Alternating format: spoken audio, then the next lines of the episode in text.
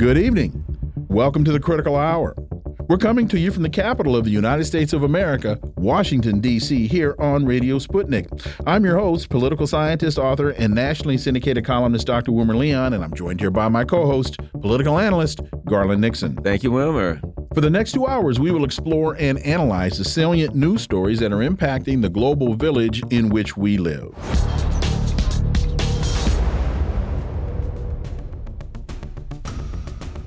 China, India attend talks on Ukraine war in Saudi Arabia. Officials from 42 countries attended the talks that excluded Russia. The U.S., China, and India attended these talks. They were aimed at convincing neutral countries to support Ukrainian demands for a peace deal. Now, that's an interesting formula that we'll have to have to attack. How can you talk peace without all parties involved in the conflict in the room? For insight, let's turn to our first guest. He's a Moscow-based international relations and security analyst, Mark Sleboda. As always, Mark, welcome back. Dr. Leon Garland, thanks for having me. It's always an honor and a pleasure to be on the critical hour. So, according to the Wall Street Journal, the meetings in Jeddah were attended by officials from 42 countries, including other non aligned nations, Brazil, Indonesia, and South Africa. While being portrayed in Western media as peace talks, Russia was not invited. But I say again, these so called neutral countries, they were aimed at, they were being targeted at convincing them to support Ukrainian demands for peace. It sounds, Mark, like somebody's thumb, if not big toe, was on this scale. Mark Sleboda. Uh, so this, they weren't, of course, peace talks, right? As you rightly pointed out, if you're in a conflict, peace, uh, any discussion of peace would you know seem to uh, necessitate including both sides. Um, this and and neither uh, was it really directed at Russia though either. Um, this isn't the first of such meetings. Mm-hmm. The U.S. arranged a previous session in June in Copenhagen that was uh, uh about the same uh, invitees and uh, about the same format, um, and that didn't result in anything either. Um, uh, on the face of it, it is to promote what is referred to as the Z- Zelensky peace plan, uh, which is an ultimatum right? Uh, uh, Russia uh, uh, pulls out, ends their intervention in the Ukrainian civil conflict. Uh, they pull their all their troops uh, out, take all their toys home, leave the people of Donbass, Crimea, and southern Ukraine to the tender mercies of the Westback Kiev Putsch regime and its Azov and sundry other neo-Nazi battalions. Uh, oh, it pays war reparations too, uh, and all Russian leaders go to uh, face international uh, crimes uh, trials, and and Zelensky would like a pretty little pink pony too. Um, so, and from my understanding, it was absolutely everyone all agreed except the last item was a deal breaker. They they couldn't come up with the pink pony for for Zelensky. Even after the uh, release so, of the Barbie movie, he still can't get a pink pony. Well, well that's why because oh. it was. I, sorry, okay. Zelensky Barbie movie. Barbie movie gets the pink pony. I, you know, I was going to say, add something to to that. Then at the time that there's this stuff about yes, Saudi Arabia, they're having a peace uh, summit to bring peace to the world and all. There's a New York Times article that starts off with these words. Ukraine made a renewed push this weekend at a gathering in Saudi Arabia to win the support of dozens of countries that have remained on the sidelines, the start of a broader campaign uh, uh, in the months ahead to build the diplomatic muscle to isolate and weaken Russia. So they say, yes, we're going to have a peace talk. And what's that peace talk for? Oh, well, that's to isolate and weaken our adversaries. That's an odd way to describe the peace talks, wouldn't you think, Mark? Well, you know, you can certainly view peace as a one-sided dictated affair, but it doesn't necessarily going to bring you peace, right? You Is, could, isn't that called surrender? yeah, on one side, ultimatum, right? You know, the Russians have they're doing it.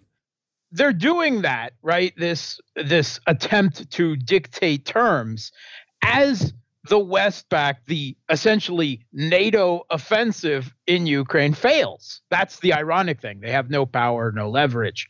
Uh, the invitees included, yeah, a host of of yes men that are there to to you know parade around the U.S. position, like Rishi Sunak for the UK. But it, it's directed at the you know what the west calls the developing world right or you i you know like to call it the rest with a capital R, vice the West, because no country in the rest, that is, no country outside of the West, has agreed to the U.S.'s uh, and the you know the West's existential economic war of sanctions on Russia. Just the West. So this is put to put the squeeze to the rest. That's why Brazil and India and China and South Africa, you know, and and Indonesia and other countries are invited. This is put to put the squeeze to them. So there's two reasons. One is a photo op and a PR opportunity for for Zelensky, like he doesn't have enough. But anyway, the second one is a leg breaker session. Right. This is to to bring the rest of the world around to the US sanctioning Russia point of view. And how do they do that, right? The traditional method is the carrot and the stick. But we all know that the US doesn't doesn't believe in carrots and doesn't have any anyway. So it's all about the stick. And as if to punctuate that threat of of secondary sanctions which are the the the West sanctions other countries to force them to stop trading with Russia and suddenly other means, right? And to bring those other means homes, looming behind Antony Blinken at the table was the 800 pound ogre in the room, Victoria Nuck.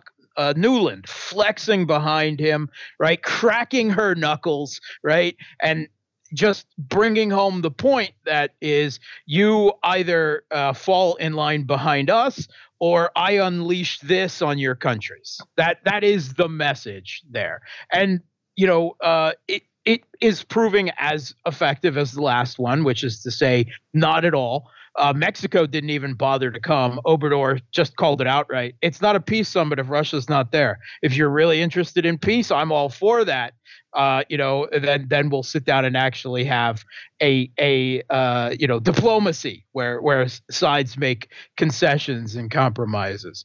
Um, and uh, Lula, uh, you know, Brazil attended, but Lula was critical of both sides before. I think he actually called it right in that neither side is interested in peace as it exists at this point. Uh, both sides are committed uh, to you know uh, establishing a lot more realities on the ground, or in the case of of the Kiev regime, uh, you know, uh, imagining realities on, on uh, that might appear on the ground uh, before. Uh, anyone is is even interested in talking about this. I mean, we have to remember the Kiev regime has actually passed laws forbidding its own politicians and leaders from conducting diplomacy with Russia. So I mean, that's that that is you know kind of punctuates that uh, they're not interested in peace, and Russia's certainly not interested in peace until the goals of their intervention in the Ukrainian civil conflict, the SMO, uh, special military operation as they call it, are fulfilled, and they're still a long way from being fulfilled. So um, uh, it not only is this not a, a not peace summit, but neither side is really interested in peace either. Let's combine two stories quickly. One, Russia intercepts U.S. drone over Black Sea. The uh, a U.S. Reaper MQ-9 military drone over the Black Sea was intercepted and fended off by a Russian Su-30 fighter on Saturday. This is from uh, Al Mayadeen English. And then I want to add to that the the story. Uh, you, according this is from Sputnik. According to a Ukrainian POW, they learned about Kiev's counteroffensive from TikTok. Ukrainian soldiers learned that the the truth about Kiev's counteroffensive from the social network TikTok. The commanders didn't say a peep. Some said it had already begun. Others said it hadn't happened yet. They learned about it on TikTok. And I, I, I, that was interesting because of the story when the missile went into the so-called pizza parlor. That was actually a, uh, a, a barracks for Ukrainian soldiers that that location was determined by those individuals staying in that location using social media. Mark Sleboda. Well, uh, first of all, on, on, the last part, I mean, it's no surprise that the Kiev regime, you know, has a propaganda bubble over their country. I mean, they literally, literally have seized the regime has seized control of all media in the country with what they openly call a unified information policy. All critical media was shut down in the country months before Russia uh, intervened uh, in the uh, civil conflict, right? So we're talking two years ago. All critical media was shut down in the country. So this this shouldn't surprise anyone. Now, if if I take it to mean that they they found it out on TikTok, meaning that they found it out from the internet. But if your choice is the internet, and you then sign on to get your news from TikTok, I think I've identified part of the problem right there. I mean, sorry, but you should be listening to the critical hour, right? I mean, obviously that's that's what they need to listen to, not not not the the, the talk tickers.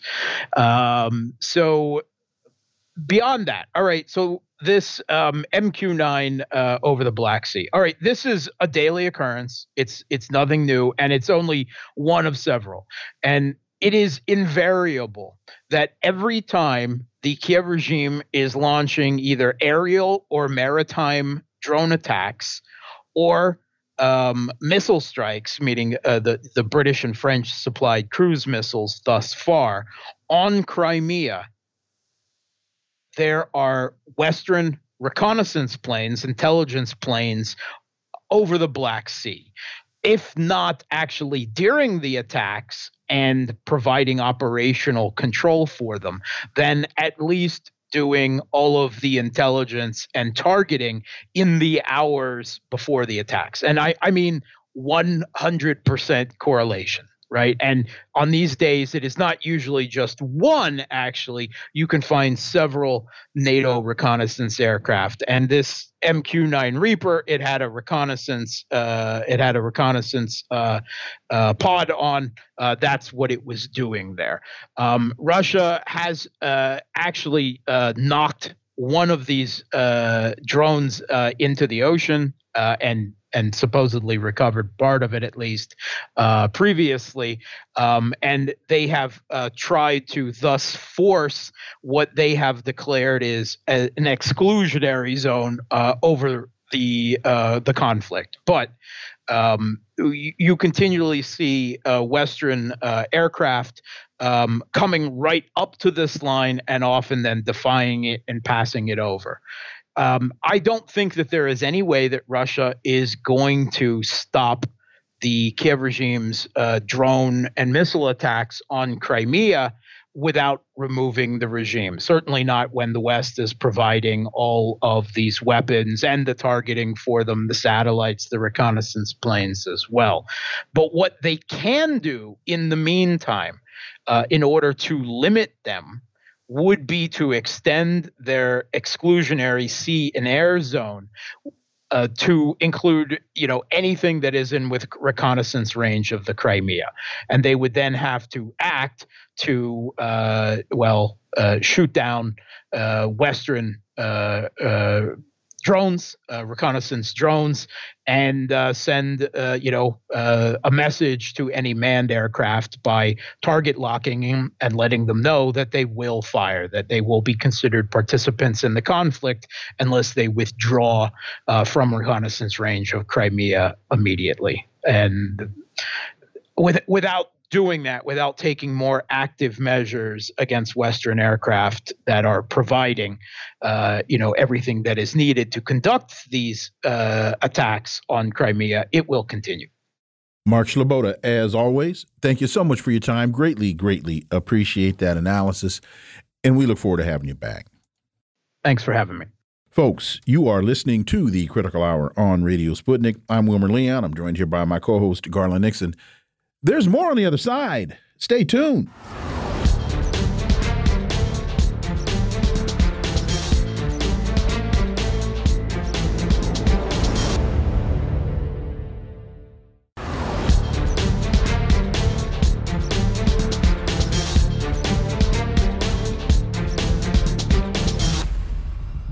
We are back, and you're listening to the Critical Hour on Radio Sputnik. I'm Wilmer Leon, joined here by my co host, Garland Nixon. Thank you, Wilmer. Orinoco Tribune has a piece entitled Coup in Niger Old Europe on Trial. Gold, silicon, oil, with reserves estimated at 2 billion barrels and above all uranium, are essential for both French nuclear power stations and atomic bombs. They are strategic raw materials for imperialism, which needs to consolidate its dominion at the expense of the southern countries. This is key to understanding the fibrillation provoked in the United States and especially in the European Union by the coup d'etat in Niger. For insight into this, let's turn to our next guest. He holds the John J. and Rebecca Moores Chair of History and African American Studies at the University of Houston. He's one of the most prolific writers of our time. His latest book is entitled Revolting Capital Racism and Radicalism in Washington, D.C. from 1900 to 2000. Dr. Gerald Horne, as always, welcome back. Thank you for inviting me. So, all of this while the president of Algeria said on Saturday any military intervention in Niger would be a direct threat to his country and is absolutely rejected. He reiterated the support of Algiers for constitutional order and willingness to help return to this order. Some very, very ominous signals being sent by countries that are that are on the border of Niger, and they're saying to the west, hands off. Dr. Gerald Horne. Well, it's not only Algeria. I've been monitoring the Nigerian press and civil society, and it's no accident that the Nigerian Senate and legislature has turned thumbs down on any idea of Mr. Tinubu, the president, of sending Nigerian forces into Niger. And keep in mind that in Nigeria, they're up in arms because as they see it, what led uh, Abuja under Mr. Tinubu to try to uh, signal that he was willing to intervene militarily along with ECOWAS, which he is the titular chair of, the Economic Communities of West African States, was a phone call from Vice President Kamala Harris, interestingly enough. And that outraged those who hold Nigerian sovereignty dear. And they also brought up some very curious stories about the Nigerian leader. Uh, that is to say, that there are documents apparently held closely by the U.S. authorities that implicates him in all manner of improprieties, up to and including uh, perhaps money laundering, perhaps even drug dealing. In fact, President Tinubu may be the most affluent head of state in the world today, believe it or not. Now, we know that Nigeria is on course to have a population by the end of the century larger than that of the United States, that is to say, more than 330 million. So Nigerian is not a minor league player. It's the uh, has the largest economy, surpassing South Africa and Egypt uh, on the continent. But still, the fact that this president uh, has accumulated so much wealth, the fact that this president was formerly an accountant for a major U.S. Uh, accounting firm, formerly an executive for Mobil, the U.S. oil giant. Uh, that speaks volumes. And also in Nigeria, what has apparently stayed the hand, at least for now, of Abuja, is the fact that uh, there is question uh, in civil society as to whether or not Nigeria uh, can afford uh, an, an intervention. The uh, previous a previous intervention in Liberia apparently cost billions of, of U.S. dollars, and they are wondering why billions of U.S. dollars instead of being used to uh, intervene in Niger should not go to healthcare and education in Nigeria itself, but perhaps go to repress the banditry that's an outgrowth of Boko Haram. Those are the religious zealots operating uh, heavily in the north of, of Nigeria.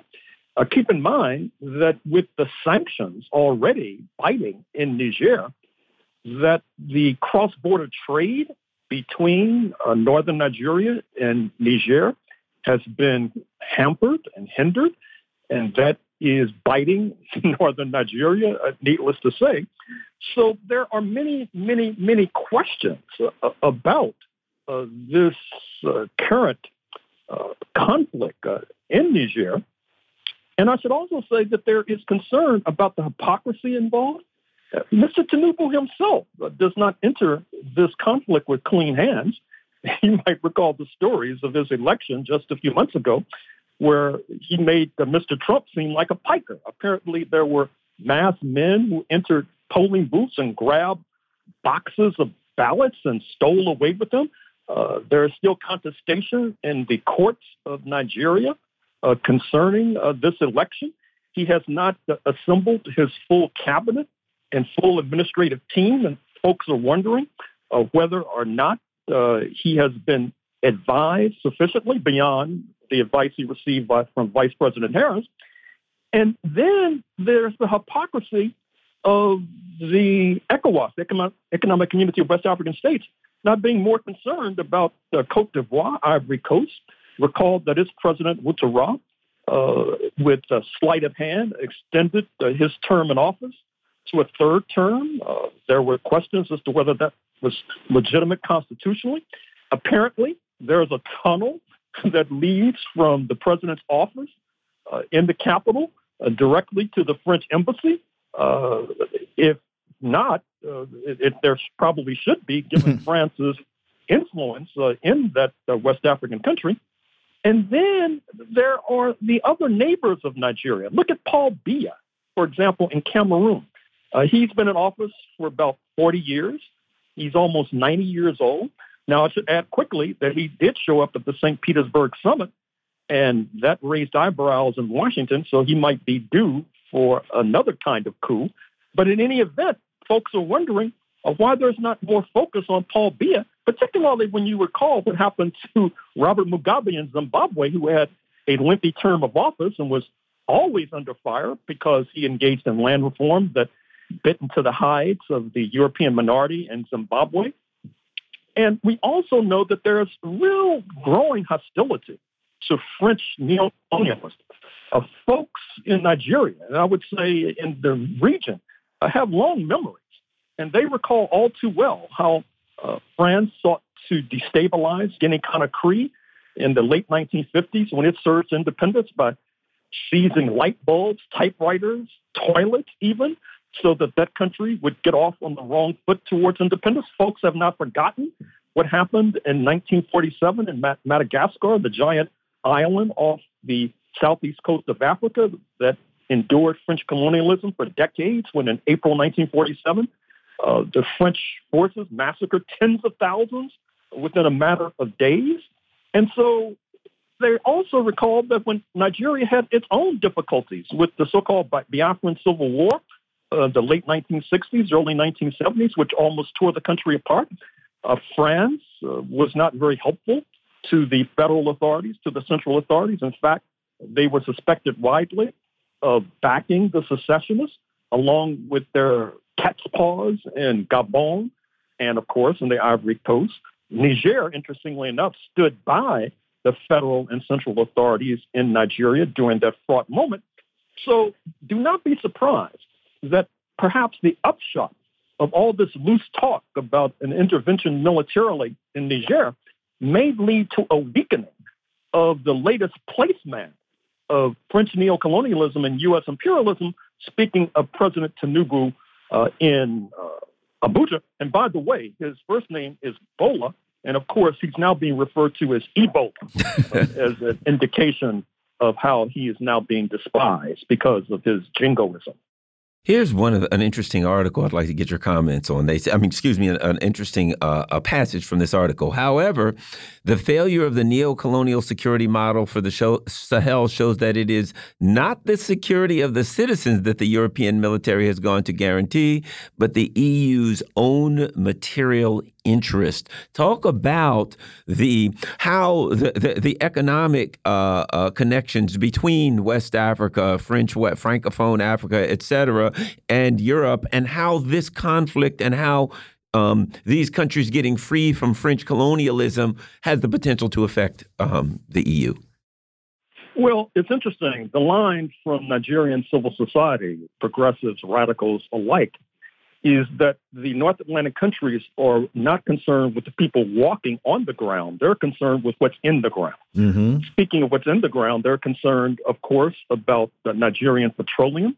They're concerned about the attempt to build a pipeline uh, carrying natural gas from Nigeria through Niger to Algeria to France and the southern uh, neighbors of Algeria. Speaking of excuse me, the northern neighbors of Algeria, speaking of France, uh, Spain, uh, Italy, etc. And this pipeline is increasingly being pointed to as the reason for why the North Atlantic countries are so frisky about uh, seeking to at least force Nigeria to intervene. And we've already talked about the uranium uh, in Niger, also in the ground. And speaking of uranium, uh, folks in the United States should be very sensitive to that issue because you've had uranium mining in North America, particularly in the Navajo Nation in the U.S. Southwest, and it has devastated the Navajo Nation. Uh, it has led to all manner of occupational safety and health issues. This is in an advanced capitalist country, so you can imagine uh, what uranium mining has done in uh, Niger, uh, which of course has harmed the health and and safety of, of countless Nigerians. And then, of course, we all know about the drone base, the U.S. forces on the ground, the French forces on the ground. That's something that Algeria cannot be indifferent to.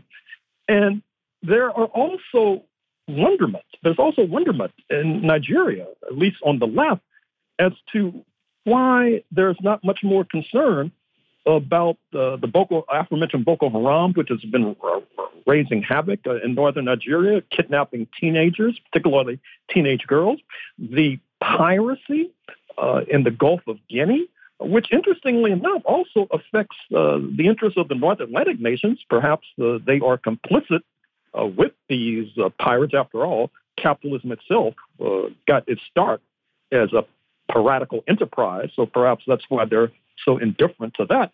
So uh, there's also wonderment with regard to the role of Saudi Arabia, because we all know that these religious zealots uh, who have been besetting uh, Guinea Conakry and Mali and Burkina Faso and Niger and northern Nigeria, they're now moving into northern Ghana. Interestingly enough, uh, Ghana has a sizable expatriate Black American community.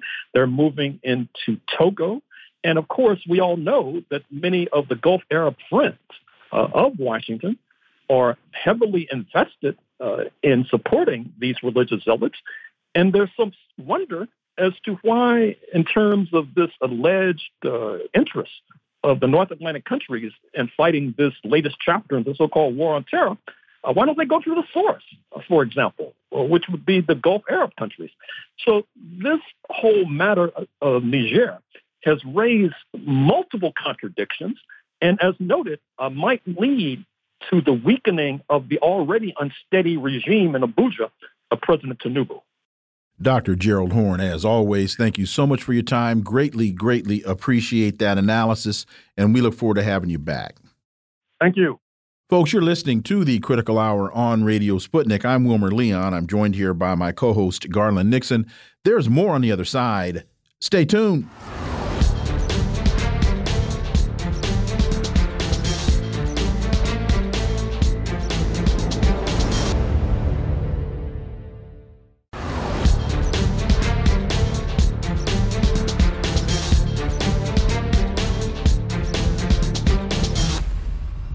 We are back, and you're listening to the Critical Hour on Radio Sputnik. I'm Wilmer Leon, joined here by my co host, Garland Nixon. Thank you, Wilmer.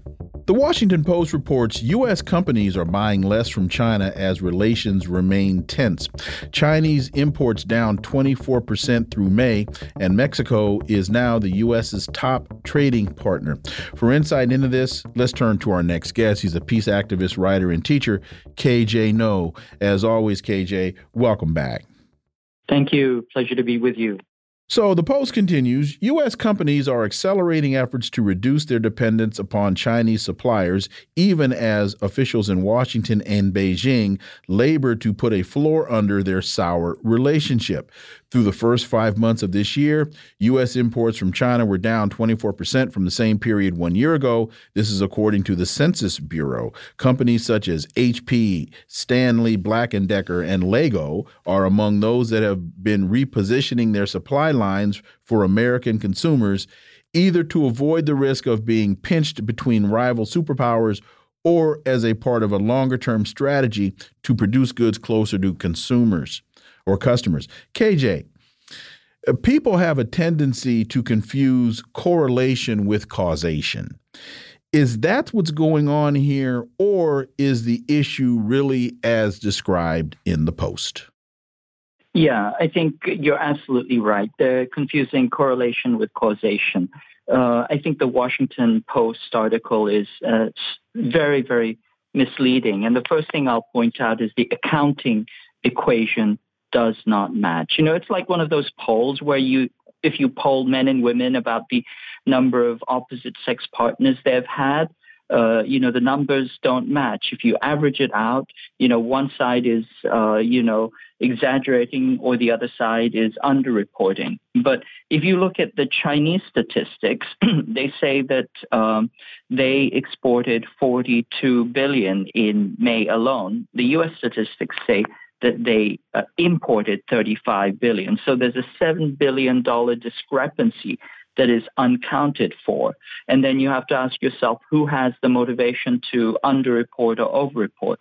Well, clearly the U.S. Uh, corporations are trying to escape tariffs, and so then they have an uh, they have a you know an incentive to underreport uh, what they're importing. But you know, let's look at some other statistics which I think really kind of uh, clarify what's going on. they say that China's, um, the U.S. imports of um, uh, imports from Mexico have increased uh, massively. But the other thing that we really have to notice is that China's exports to Mexico increased by 78% in 2022. So essentially, what's happening, uh, and a large amount of these exports are what are called intermediate goods.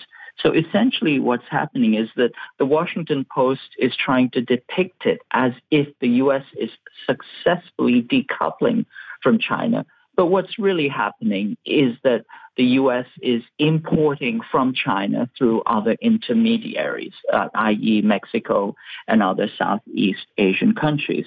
And the, the best way to prove that statistically is China's share of global goods exports is continually going up, uh, and China's percentage of GDP, which is exports, is constant.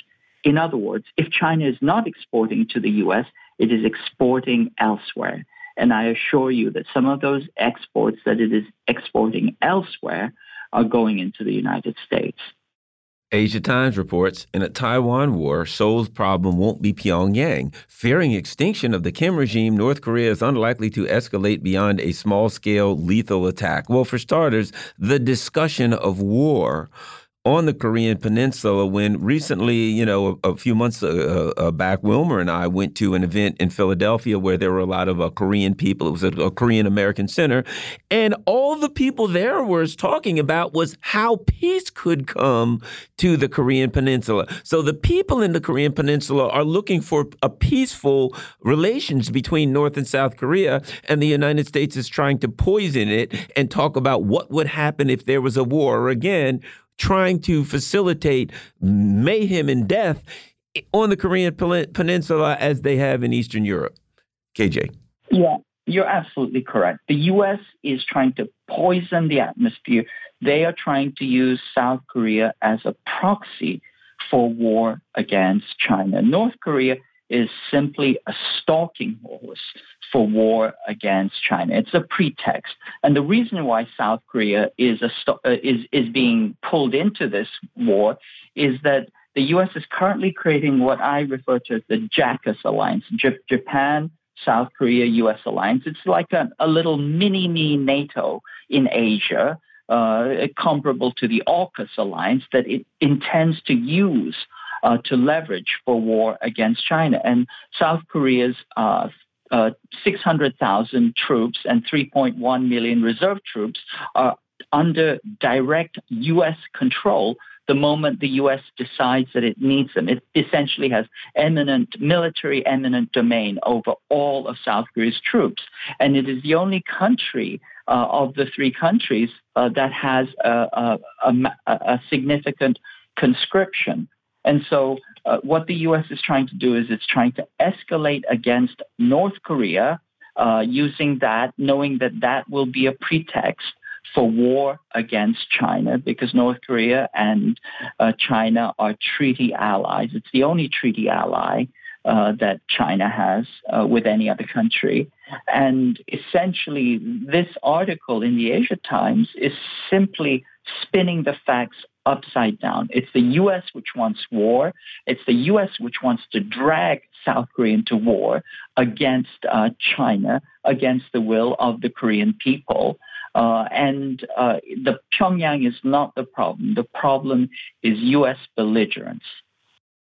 There's a another very troubling troubling article. This is from uh, almayadeen.net in English and it's entitled Japan's Nuke Wastewater Discharge Plan is a Crime Against Humanity. Two years ago, in April of 2021, soon after the Japanese government unveiled its plans to release 1.37 million tons of nuclear contaminated wastewater from the damaged Fukushima nuclear power plant into the Pacific Ocean, starting in the spring of early 2023 uh, a number of people have been protesting this. Uh, KJ, no, this I don't understand how anybody could could think that dumping that much contaminated water into an ocean would be benign. Yes, no, it's absurd. It's completely and totally absurd from top to bottom. This is the second largest nuclear disaster on the planet after Chernobyl. And the Japanese are saying that they're going to dump all of their contaminated wastewater, nuclear contaminated uh, wastewater with extraordinary levels of tritium and cesium, and they're just going to dump it into the water, and it's going to pollute all the marine life and all the uh, fish and all the plants in the area they claim they're going to treat it, but you know, uh, I think that that is highly unlikely that it'll be treated to uh, the re- to to required standards. And already, uh, you know, catch is showing a hundred times the level of cesium that is claimed or even allowed. And so this is a complete and total uh, environmental catastrophe. It's an environmental crime. And uh, the United States uh, and the IAEA uh, which has lost all credibility, is enabling this. But this is just speaks to the total corruption. If you are a U.S. Uh, vassal, uh, you get to do anything you want as long as you toe the U.S. line as far as waging war and uh, following strategic interests is concerned. Yes, and uh, two things. Number one, it also I think it, it demonstrates what people a lot of people argue that yes, um, you can do uh, uh, um, uh, you know, nuclear energy, and it's not going to put all of the, you know, hydrocarbons in the air. But there is a potential, potentially a very, very high um, uh, price to pay. Your thoughts? Well, certainly with these types of reactors, which are, you know, which should have been decommissioned a long, long time ago. If I'm not mistaken, these are, uh, you know, U.S. Uh, designed reactors and they should not have been used. Certainly, they were not ready for an earthquake or a tsunami. And now the Japanese government, instead of stepping up to the plate and doing the correct environmental remediation, is simply washing its hands of the affair and deciding that it's going to pollute the rest of the planet with its uh, nuclear discharge. Here's an, an indicator. You literally can't buy insurance for a nuclear power plant. Mm -hmm. No insurance company in the world will insure them because they know of the potential for cat catastrophe. I, I'm glad that that KJ brought up the IAEA and the United States being totally discredited entities because when I read this story, as I was reading this story this morning, I thought to myself, this sounds just like American foolishness. And then people are going to start to people are going to start pulling three-headed fish out of the ocean, and they're going to wonder, well, where these where these contaminated uh, fish come from? Asia Times has a piece. Marcos squeezed between allies. The Philippine president is striving to cope with pressure at home and abroad. And when I read this, KJ, it made me wonder what are Marcos's long-term strategic interests here? Because if he has a long-term plan, I don't see how one could be squeezed between these two allies. You, you you either on one side of the fence or the other. KJ, no. Well, you know, I think that he is falling into the model of his U.S. quisling father, mm-hmm. who was you know, one of the uh, most, uh, uh, you know, closest U.S. Uh, allies and vassals, along with Chiang Kai-shek and Park Chung-hee. I mean, these this was veritably an axis of military fascism in Asia: the Philippines, Taiwan Island, and South Korea. So it seems like you know the apple is not falling far from the tree. He's doing U.S. bidding. At the same time, the previous president, uh, Duterte, uh, uh, wants uh, you know good relations with China. He seems he seems to be functioning as an elder statesman, doing the 1.5 track diplomacy and trying to uh, counsel you know wiser uh, you know decisions for this very impetuous Marcos administration.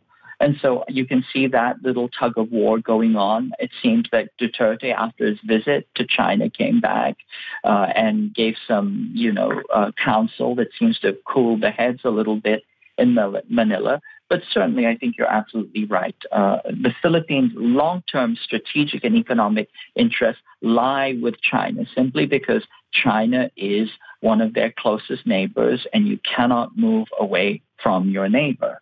On the other hand, the Philippines for a very, very long time was a U.S. colony and then a U.S. para-colony and a military base. And now it's reverting to that type against the interests of its people, against the interests of its economy, and against the interests of Asia and the planet. KJ No, as always, thank you so much for your time. Greatly, greatly appreciate that analysis, and we look forward to having you back. Thank you. Always a pleasure. Folks, you're listening to the Critical Hour on Radio Sputnik. I'm Wilmer Leon. I'm joined here by my co host, Garland Nixon. There's more on the other side. Stay tuned.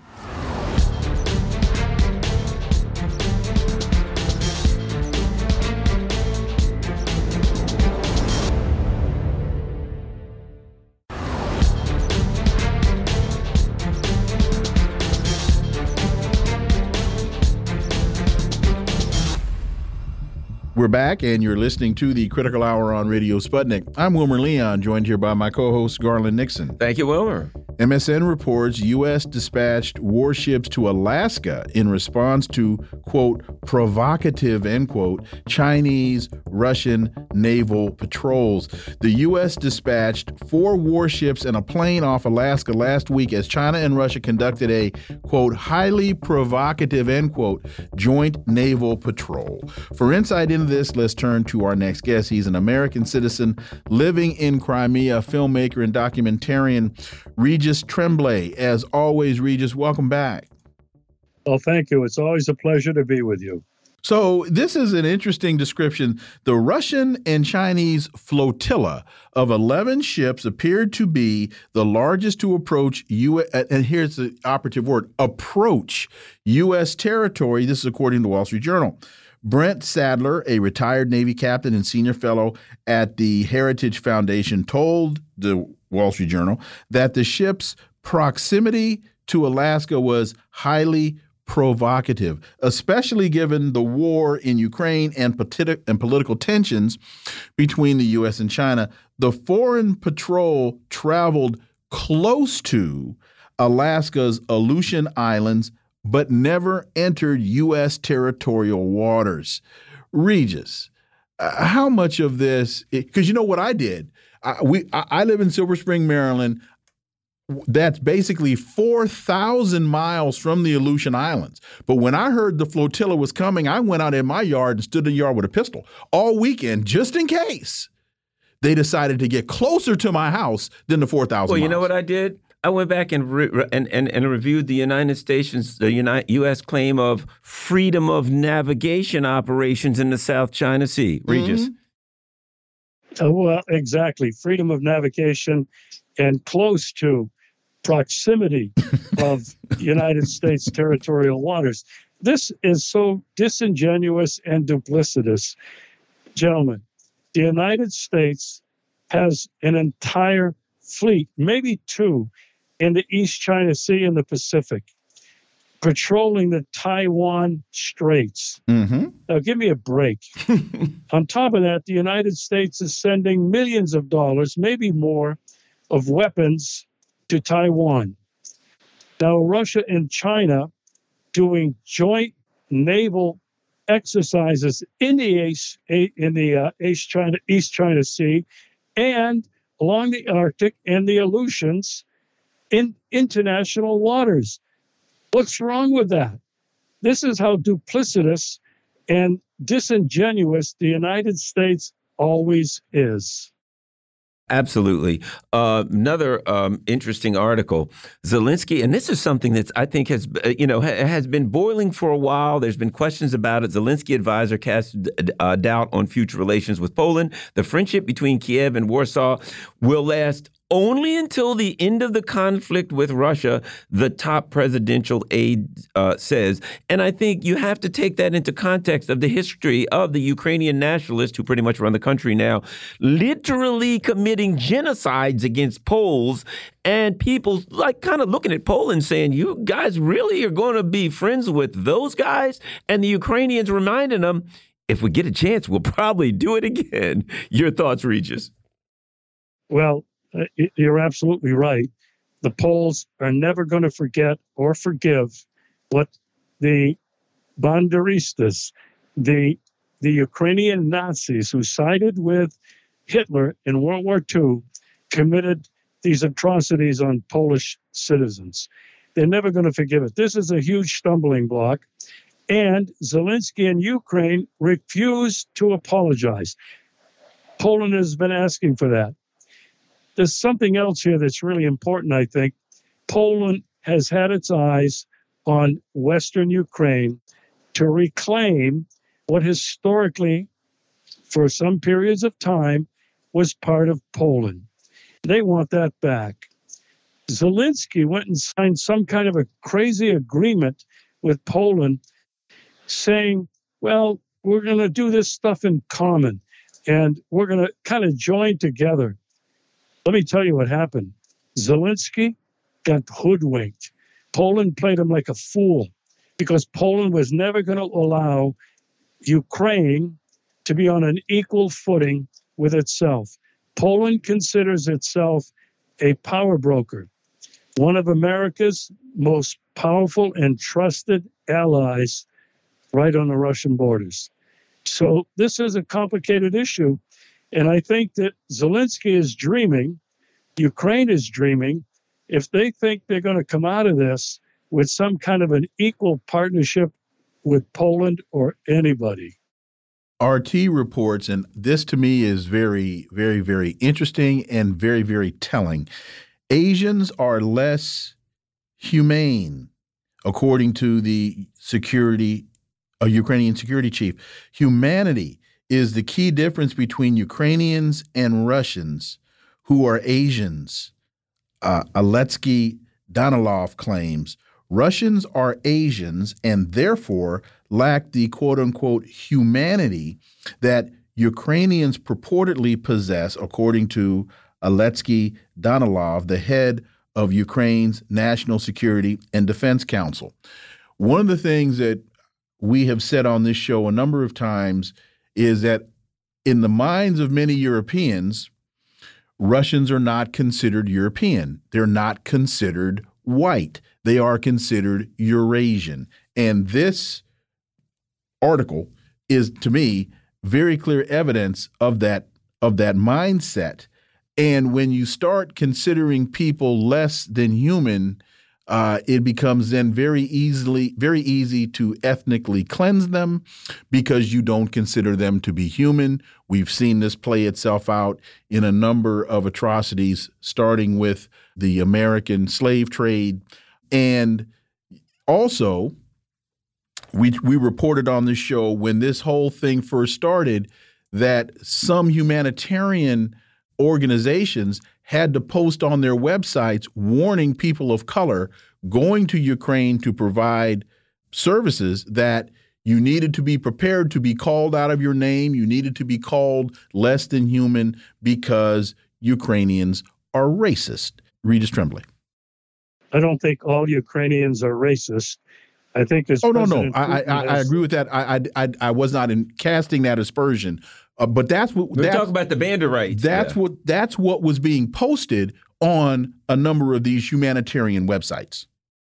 Yeah, no, I I understand.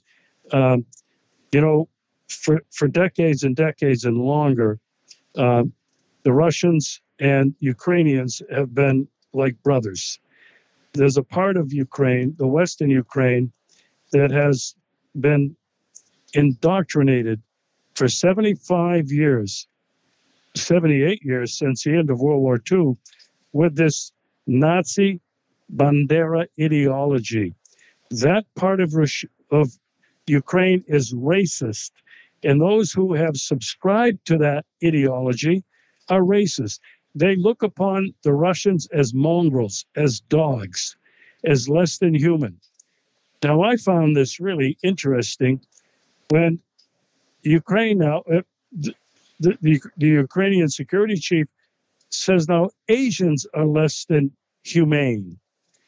You know, this goes back to the United States during World War II with Japanese.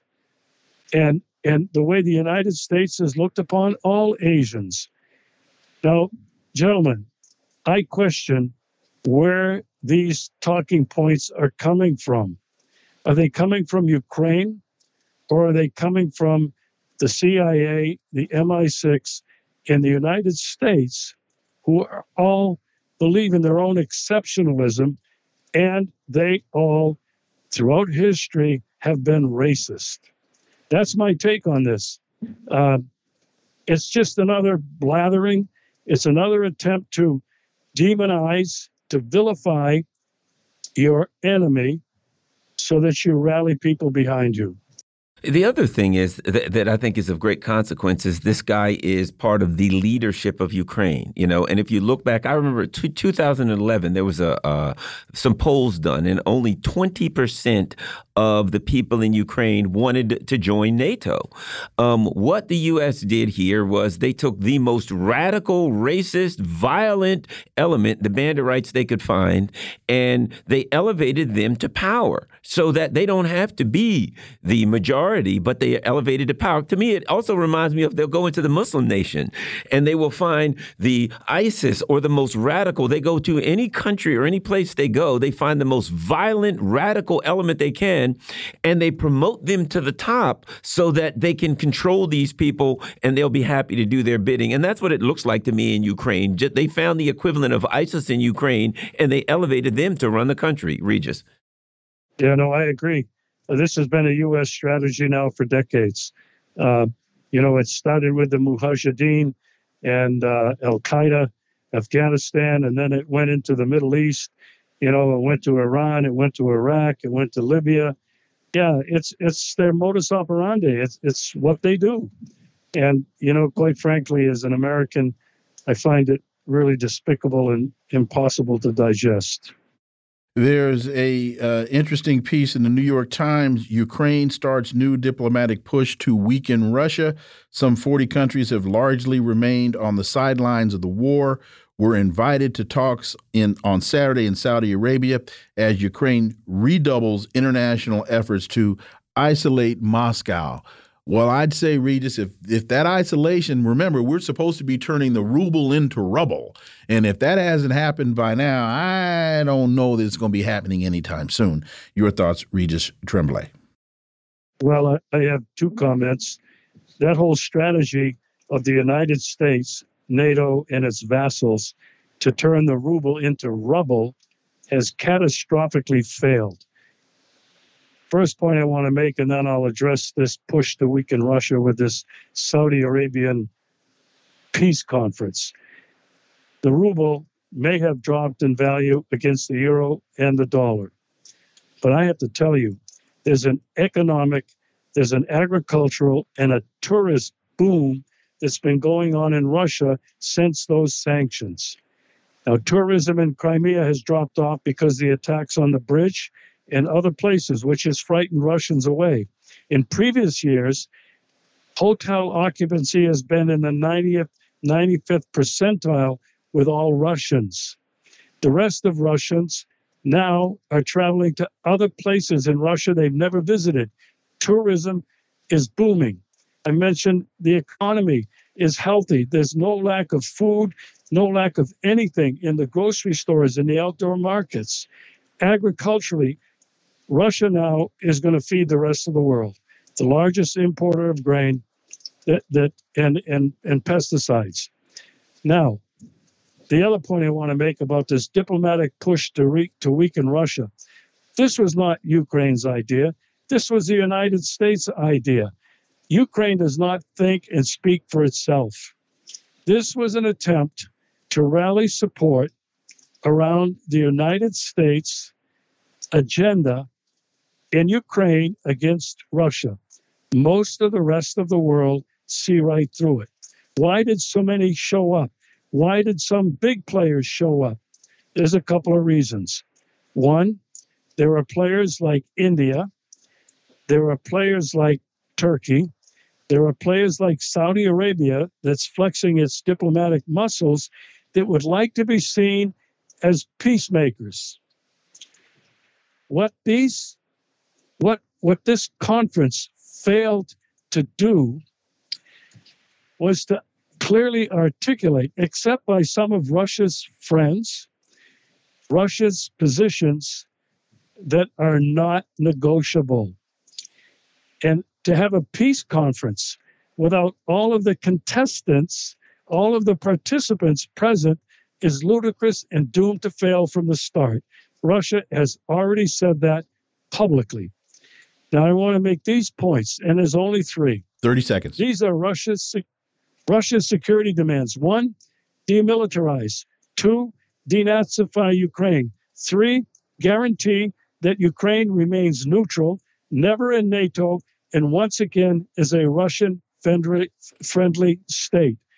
Russia will not budge from any of those. Well said, Regis Tremblay. As always, thank you so much for your time. Greatly, greatly appreciate that analysis, and we look forward to having you back. Thank you very much. Always good to be with you. Folks, you're listening to the Critical Hour on Radio Sputnik. I'm Wilmer Leon. I'm joined here by my co host, Garland Nixon. There's another hour on the other side. Stay tuned.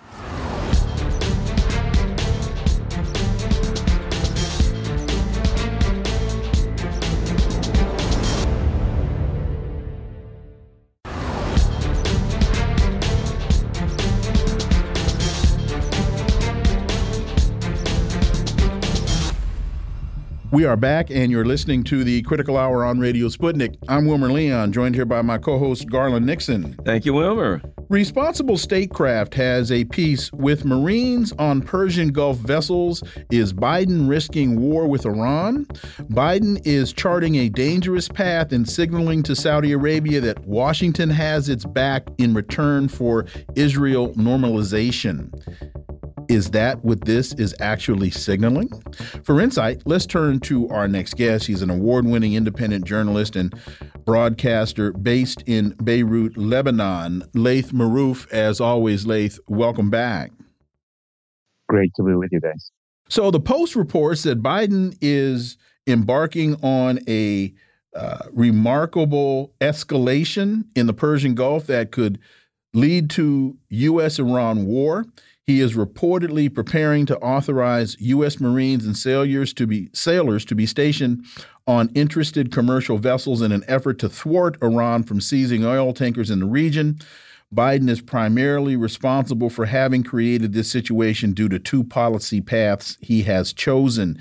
Uh, your thoughts on this, Laith Marouf, because this seems to be really an unwarranted provocation. The United this seems to be another example of the United States taking action, and then as the country that's the target of that action responds, then the United States takes subsequent action escalating the situation that they really created in the first place. Your thoughts, Laith Marouf?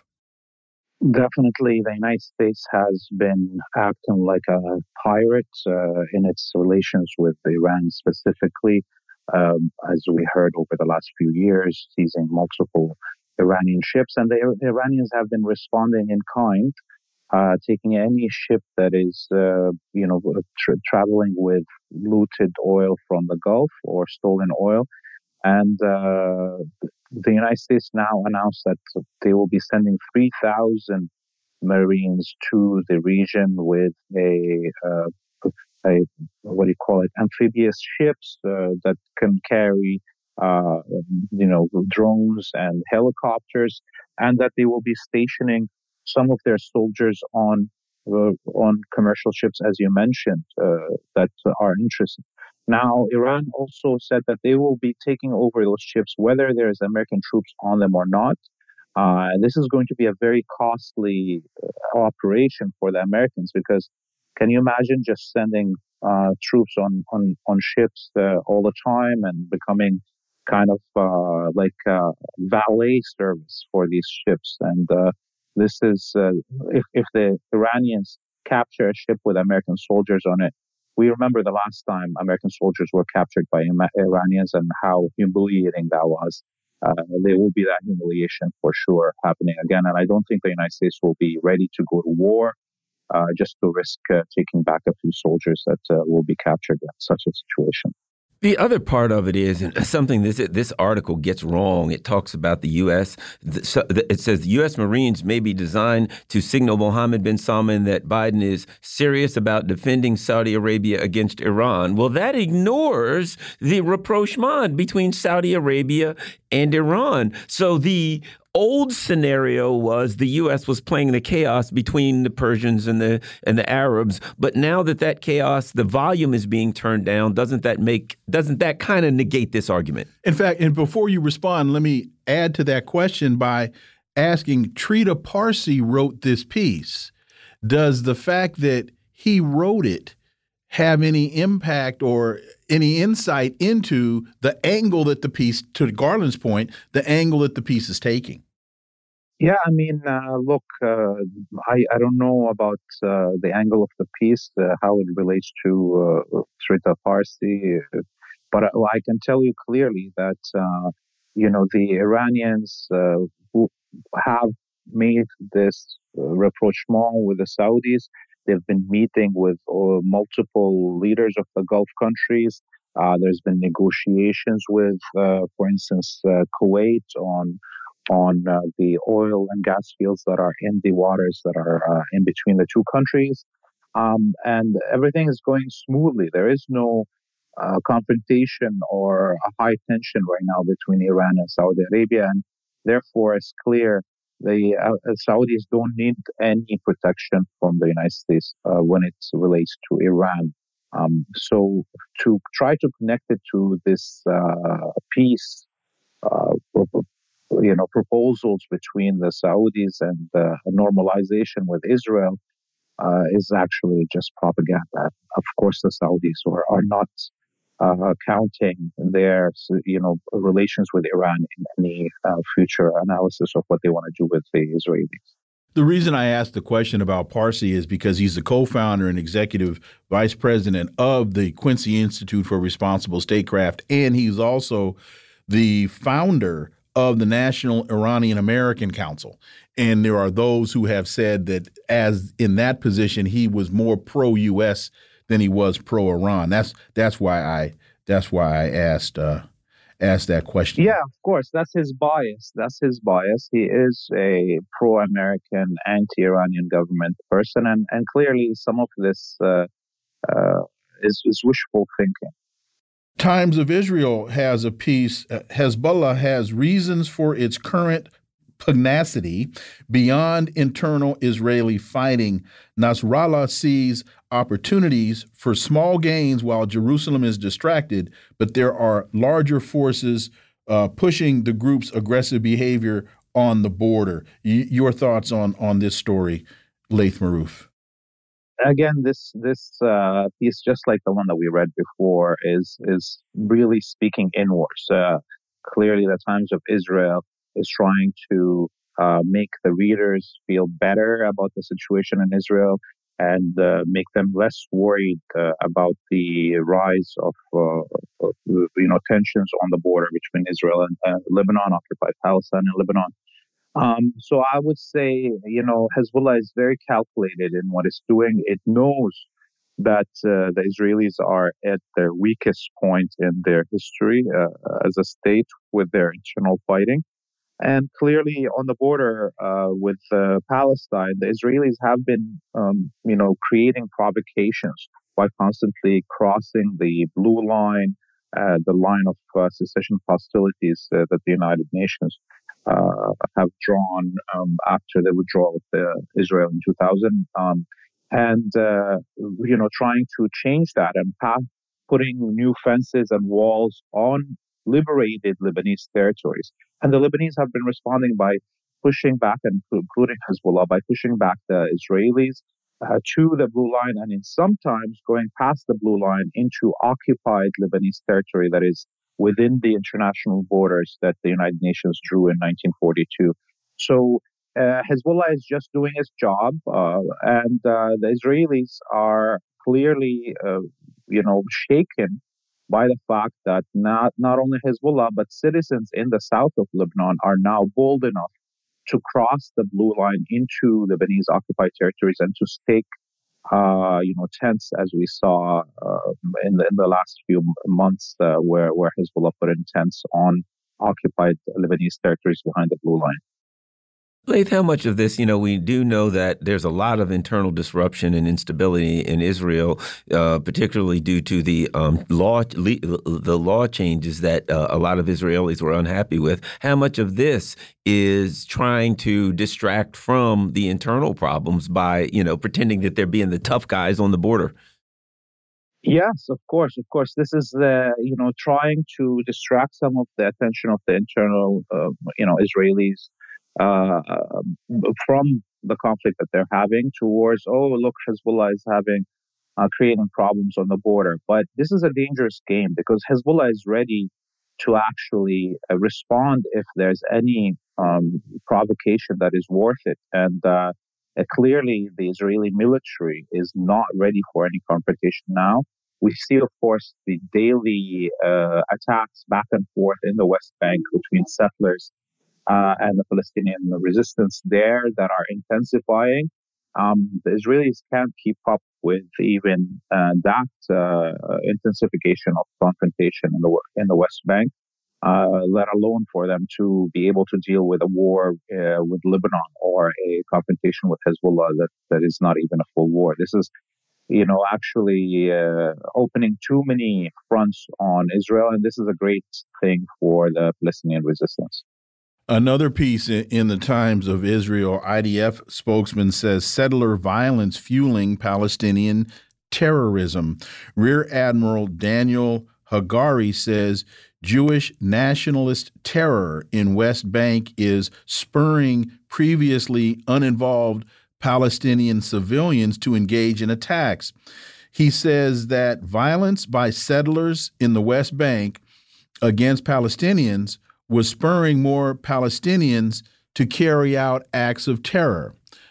I find this story to be interesting on two fronts. One, this military rear admiral is admitting that it's the settlers that are antagonizing the Palestinians, but he characterizes their response as terrorism when in fact that can't be the case because by international law, the Palestinians are allowed to respond in self defense by any means necessary.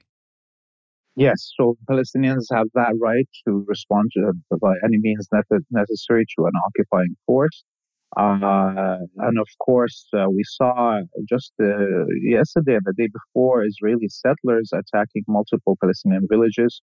This is and and in one case, killing a 15 year old, uh, shooting him in the head uh, point blank as they're invading a village in the West Bank. These are the settlers, and the uh, Ben Gvir is calling them heroes. And as we see right now, the security apparatuses of Israel are uh, warning that uh, uh, having these fanatics in the West Bank um, being backed by uh, actual ministers in the government, like Ben Gvir, is exasperating the situation. And, uh, you know, the, the article that we're quoting here also points out to the head of the Shin Bet, uh, the, the Israeli intelligence, also making the same warning uh, the, the, uh, that uh, the uh, spokesperson for the IDF pointed out. And now we hear the settlers and their ministers in Netanyahu's government attacking both the Shin Bet and the IDF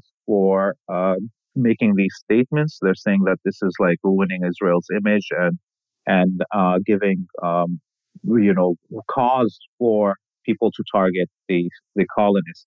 And of course, everything that's being said here is is a fact. The more Israeli settlers attack unarmed civilians, and uh, the Palestinians see that nobody's going to come to their defense, the more Palestinians will carry arms to defend themselves, and that's a natural reaction. Uh, and that's what we're been in, in for 75 years now since the creation of the Zionist colony. This is the same story. And, uh, you know, similar to what uh, Wilmer said about the last story, the fact that this is in the times of Israel, it shows to me that there is a very significant, um, are some very significant fissures going on politically in Israel. That this is like one wing of the government kind of condemning the. I mean, they're all extremists, if you ask me, but the extremism of another of another wing of the government. Like, Yes, they're they're both uh, wings of this fascist government are arguing which can do a better job, and uh, they're you know only um, differentiation is they they they're you know different on the tactics. Which way do they kill the Palestinians? Uh, which way will get less reaction from the international uh, you know war? Uh, and here we mean the West. Uh, the more right wing like Netanyahu the left wing of the Zionists think that their actions uh, bring bad reputation to Israel and bring too much attention to the genocide of the Palestinians. That's the only thing that they disagree on. Laith Marouf, as always, thank you so much for your time. Greatly, greatly appreciate that analysis, and we look forward to having you back. You have a great evening. Folks, you're listening to the Critical Hour on Radio Sputnik. I'm Wilmer Leon. I'm joined here by my co host, Garland Nixon. There's more on the other side. Stay tuned.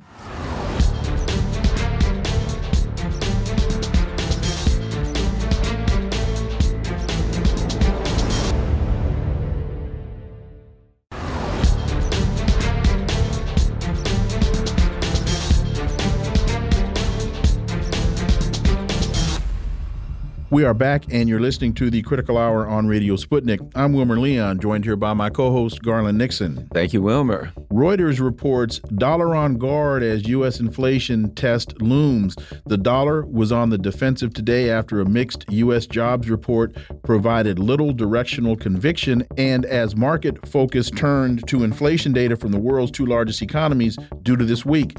The U.S. economy added fewer jobs than expected in July. Data on Friday showed, but it recorded solid wage gains and a decline in the unemployment rate.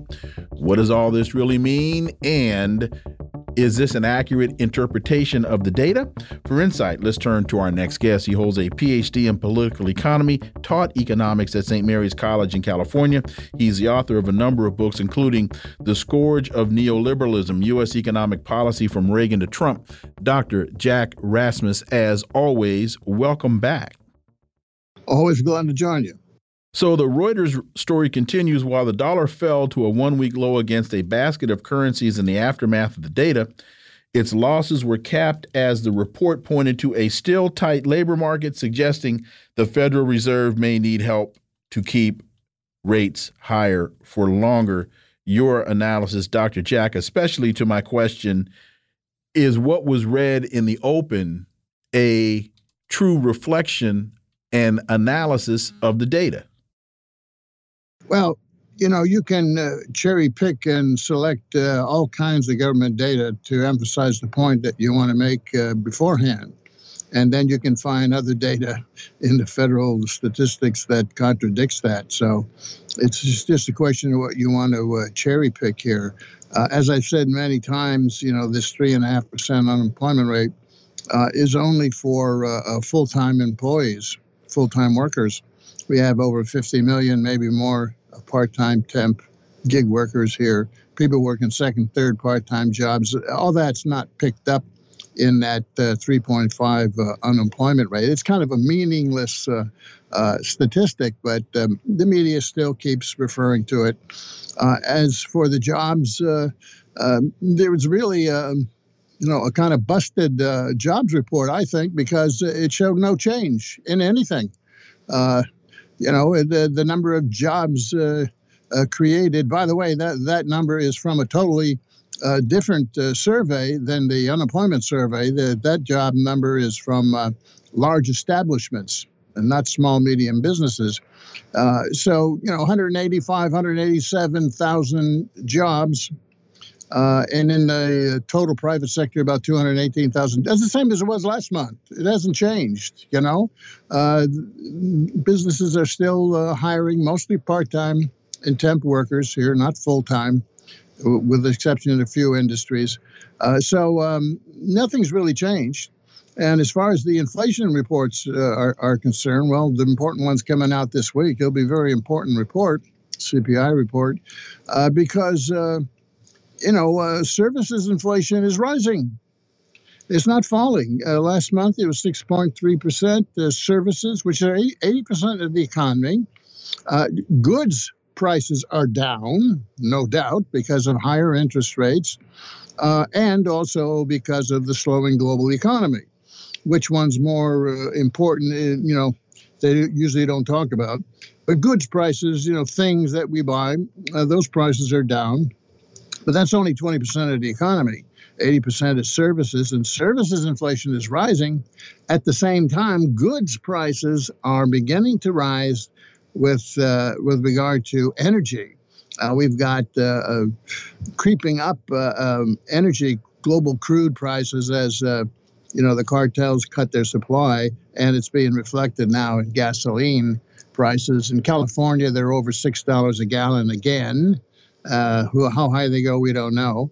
Um, but very clearly, uh, even on the good sector, we, we've got some counter pressure showing that the future rate increases, uh, inflation is, is, is about to uh, occur.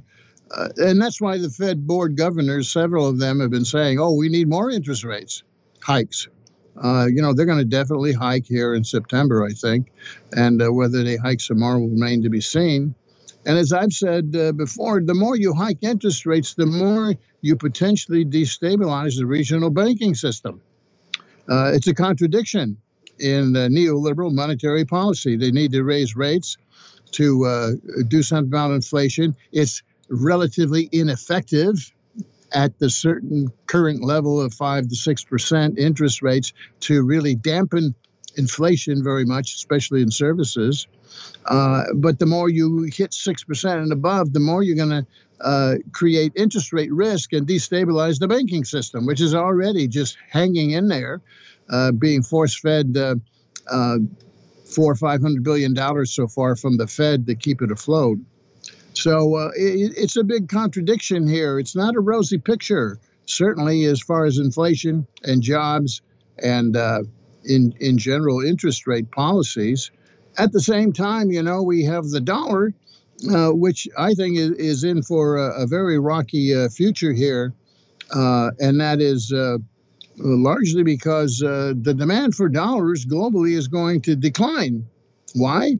Uh, because of sanctions and more and more countries getting together and looking for an alternative currency.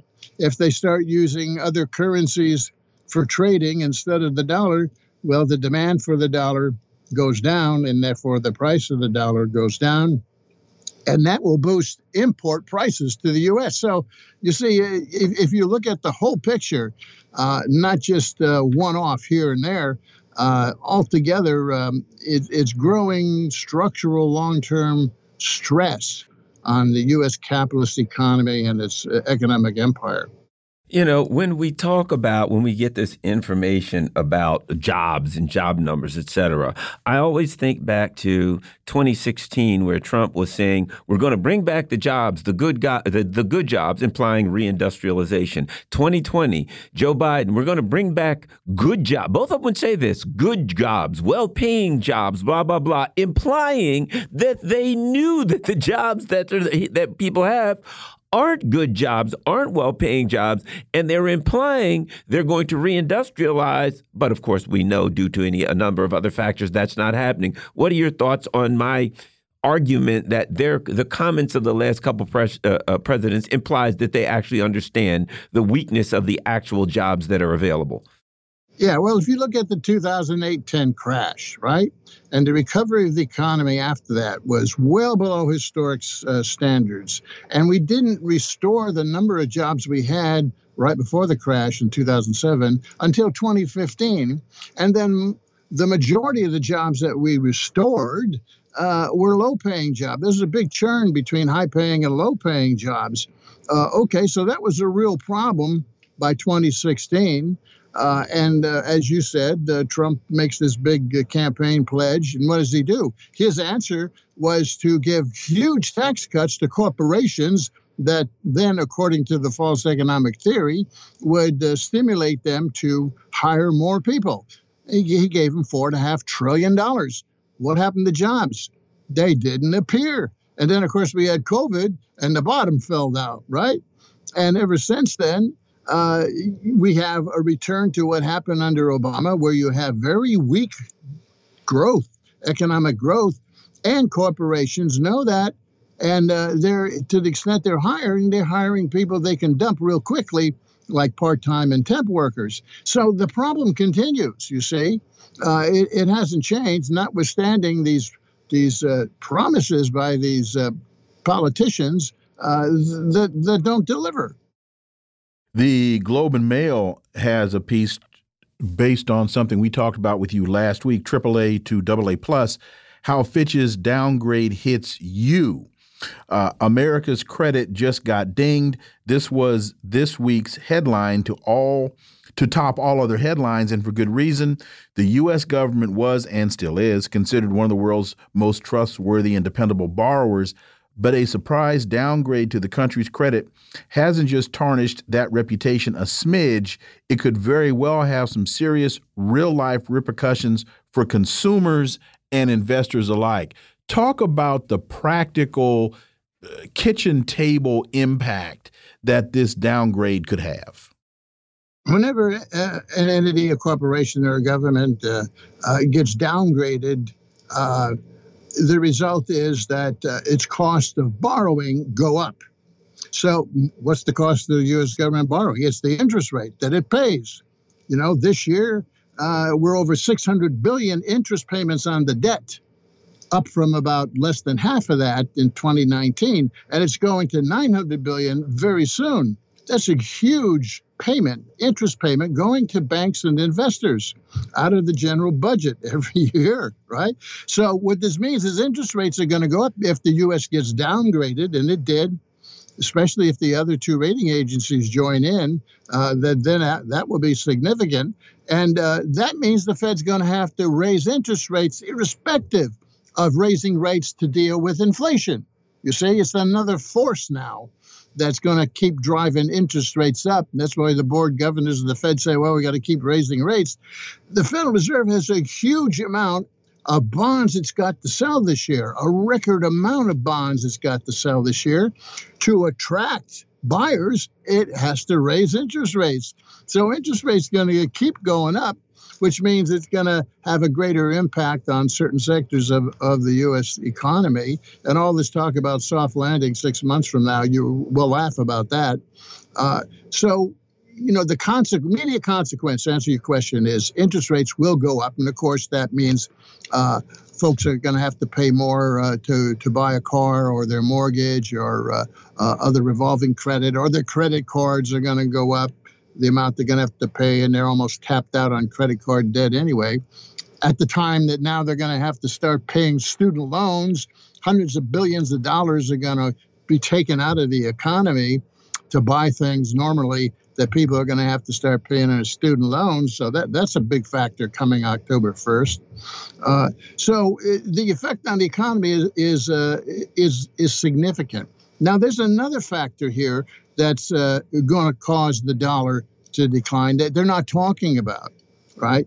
Uh, and that is uh, what's going on with uh, this this gathering here, the BRICS uh, acronym, the BRICS, you know, Brazil, Russia, etc., uh, meeting soon.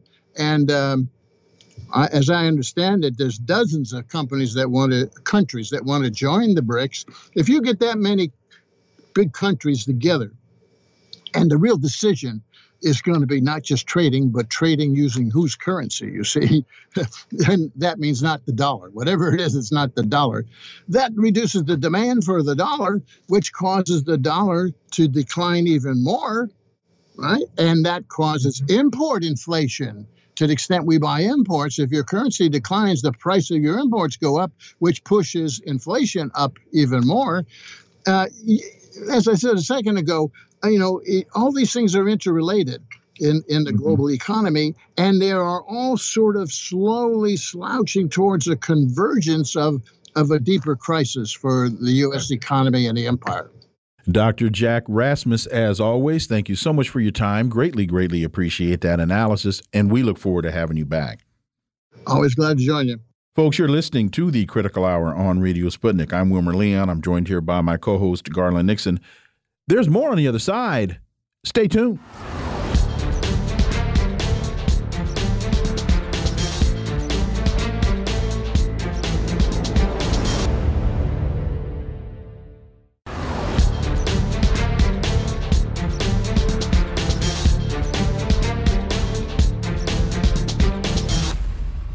We are back, and you're listening to the Critical Hour on Radio Sputnik. I'm Wilmer Leon, joined here by my co host, Garland Nixon. Thank you, Wilmer.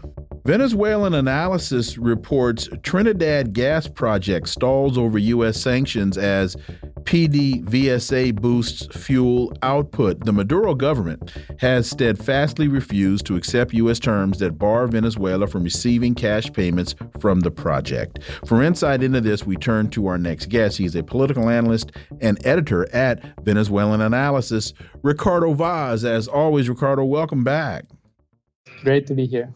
So there's a joint offshore gas project between Venezuela, Trinidad, and Tobago. It has stalled as a result of the Maduro government rejection of stringent terms that flow from U.S. sanctions on the country. Quote, the Venezuelans have not accepted the terms laid down by the Americans. That is the long and short of it, end quote, said Trinidad and Tobago Prime Minister Keith Rowley during an interview uh, in local media. What's going on here, Ricardo, and how significant is this?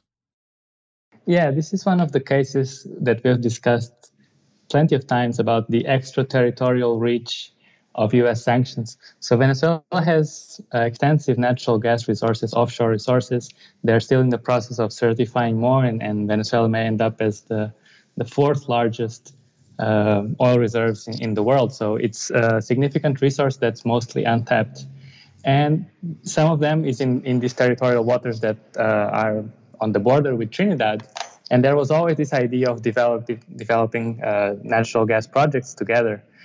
However, you know, the, the economic crisis came and sanctions and so on, and, and now Trinidad is looking to, to reactivate it because it also sees that there's a big need for energy in the Caribbean and in, and in Europe and so it would be a, project whereby Venezuela would export natural gas to Trinidad. and Trinidad would um, process and then reroute it elsewhere. The issue is that, you know, because there's this sanction archi- architecture in, in place, no one wants to do anything uh, without the permission of the U.S. Treasury Department, even if you know this is a project that has absolutely nothing to do with the U.S. Treasury. So Trinidad got a, a license allowing it to negotiate terms with the Venezuelan government on the condition, and this is what's really absurd, that uh, Venezuela would not get any cash out of the project. So Venezuela was just suppo- supposed to export natural gas, and then Trinidad offered to, to pay in shipments of food, and, the Venezuelan government said, you know, uh, who are we kidding here? We're not going to do the deal under these terms. And I think it's uh, the right stance to, to take this kind of hardline stance and not allow this international trade to be so conditioned and be, you know, set in stone in such unfavorable conditions for Venezuela. You know, uh, and, and and reading this article and seeing, you know, basically the U.S. acting like the world's economic, uh, uh, you know, administrator, saying, you know, we will issue a, uh, a a document that says this country can sell that, this country can can receive that, and my thoughts are, you know, with BRICS coming up, this is why the world is is is uh, um, forming new economic unions. The United States is creating a dynamic while, yeah, they have control right now, but the world is looking for a way out, and there will be, it won't be long before the U.S. loses all options in um, maintaining its uh, hegemonic control over over uh, you know particularly Latin American countries. Yeah, that's absolutely absolutely correct and it looks like as as the U.S. Uh, declines as a you know unchallenged global economic power, it's resorting to more and more pressure, and you know more and more countries are standing up and, and forming their own uh, different mechanisms to kind of sidestep these uh, un, unreasonable conditions imposed by the U.S. and and not just that. these licenses are, are tailor-made for, for corporations. So, in the case of, of this proposed deal between Venezuela and Trinidad, it's uh, all set so that uh, Shell will be the biggest beneficiary. Shell is the one who runs most of the energy infrastructure in, in Trinidad. So, you know, Trinidad is just, uh, you know, a small Caribbean nation that's kind of acting as a middleman to squeeze Venezuela on one hand and, you know, allow Shell to, to take all these massive profits on the other. So, so it's no surprise and since you brought up, brought up BRICS, I guess that's something else that's worth discussing. So many countries are, uh, you know, openly proposing to join to join BRICS and to join other kinds of, of international alliances. Uh, we talked about this a few months ago. There was this uh, meeting in Brazil that gathered all the South American presidents to kind of revive UNASUR and reactivate trade mechanisms in the region that were never fully developed. So, you know, everywhere you look, you, you see these uh, different plans to kind of challenge the U.S. hegemony on, on, on the global scale. And there's a, a follow on or similar story the U.S. plot to finalize the theft of Venezuela's oil.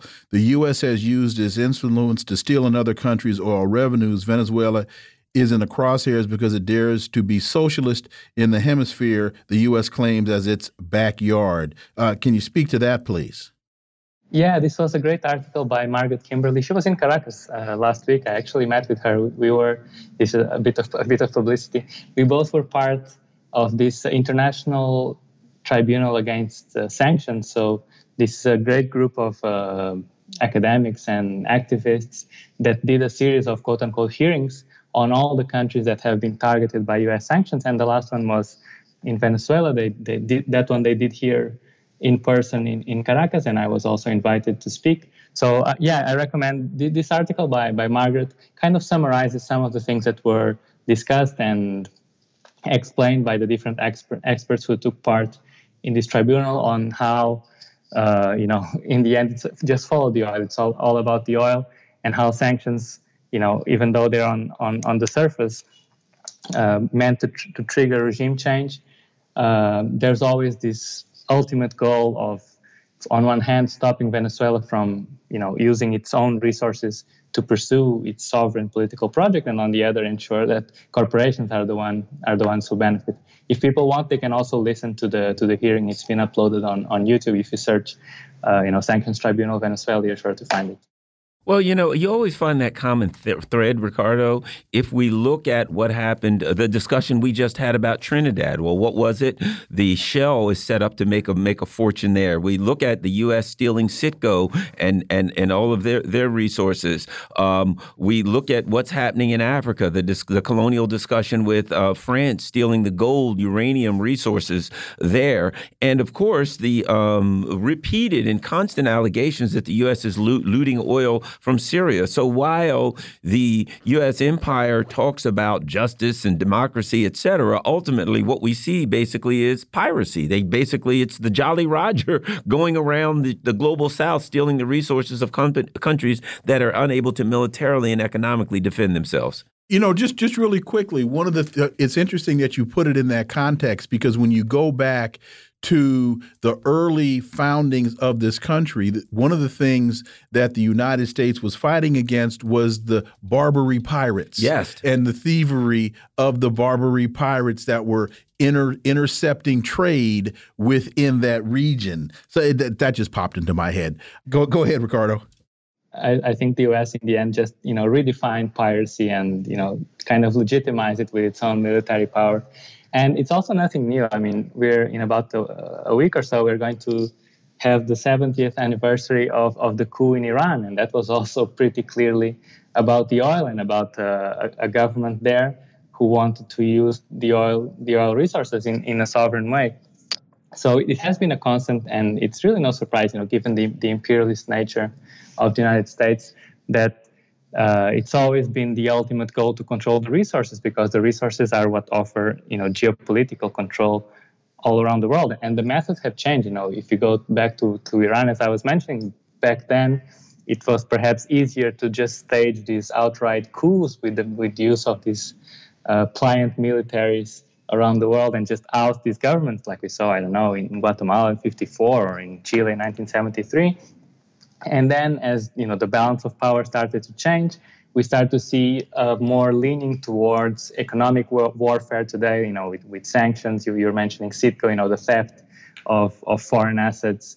You know, with complete disregard to any kind of uh, you know rules-based order. it even it even feels weird just to say it out loud. And of course, there's a reaction, and and that's why you know to go back to, to the BRICS. The BRICS uh, not only are you know emerging economies, but they are also, and that's that's why so many countries are are, are interested. They have a, a, a development bank, and this is perhaps one of the first significant alternatives that countries are going to have, you know, to access um, multilateral financing without having to resort to the you know the old uh, devils of the World Bank and the, and the International Monetary Fund. And the final piece, we've got about three minutes. Lula signs decree authorizing Brazil's purchase of electricity from Venezuela. The president of Brazil, Luiz Inacio Lula da Silva, has signed a decree reopening the country's ability to purchase electricity from Venezuela. This speaks volumes, not only just in terms of trade and business, but also in terms of Lula deciding he's not going to follow the mandate or the diktat of the United States superpower. Exactly, and, and this is a, a very important development in, in my opinion. Traditionally, the, the northern part of Brazil, you know, specifically the state of Roraima, was supplied uh, electrically by, by Venezuela because there's this huge dam that's you know right next door across the border, and, and Bolsonaro, under his uh, you know support for regime change in Venezuela uh, stopped that, and, and this region actually suffered a lot uh, over lack of electricity in, recent years. So Lula mentioned that you know it was a priority, and this is going to be good for Venezuela. There are some disingenuous opinions. I'll take the opportunity to squash them here that say, "Oh, Venezuela still has blackouts, and now they're going to sell electricity to Brazil, and it's going to be even worse." And this is not true because Venezuela has enough generation, and it's just a matter of, of transmission. So Brazil is, as far as I understand, going to invest to you know re- rehabilitate the transmission lines to that con- connect Venezuela to Brazil. This is going to provide much needed in- income for Venezuela that in turn might allow to boost and continue to repair the, the electrical grid. So it should be a, a case where everyone benefits. The people in northern Brazil get better elect- electrical supply, And it's also a way for Venezuela to kind of get resources to repair its infrastructure, and with something that's been very difficult because of U.S. sanctions. Now, uh, is that going around? Is that ignoring the sanctions, or is it, um, or, or is that something that's not sanctioned? Uh, I think I think they are going to see if, if the U.S. is going to say anything about it, but I, I would be surprised. I mean, unless we get close to elections and, and the U.S. really wants to, to to make things difficult, I'd be surprised if the U.S. goes after Brazil for this. Ricardo Vaz, as always, thank you so much for your time. Greatly, greatly appreciate that analysis, and we look forward to having you back. My pleasure. Thanks as always. Folks, you're listening to the Critical Hour on Radio Sputnik. I'm Wilmer Leon. I'm joined here by my co host, Garland Nixon. There's more on the other side. Stay tuned.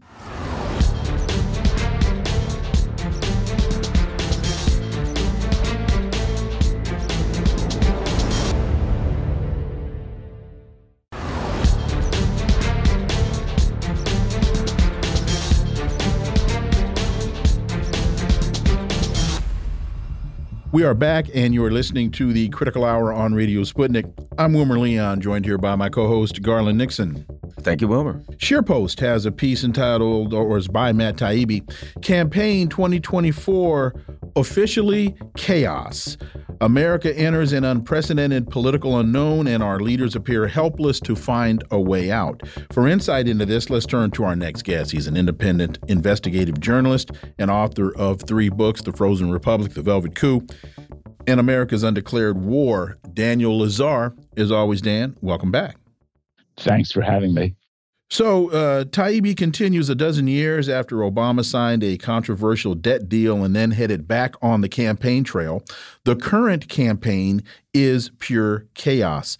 Uh, Pompeii, after the blast. In the annals of presidential races, we haven't experienced many days like the 31st of July, which ended with the futures of all major candidates appearing hopelessly clouded, Trump indicted in multiple jurisdictions, and incumbent Biden not only has the lowest approval rating in history, but when his son's former partner Devon Archer, or I'm sorry, Devon Archer, testified in Congress, he appeared to be careening toward withdrawal due to impairment, scandal, or both.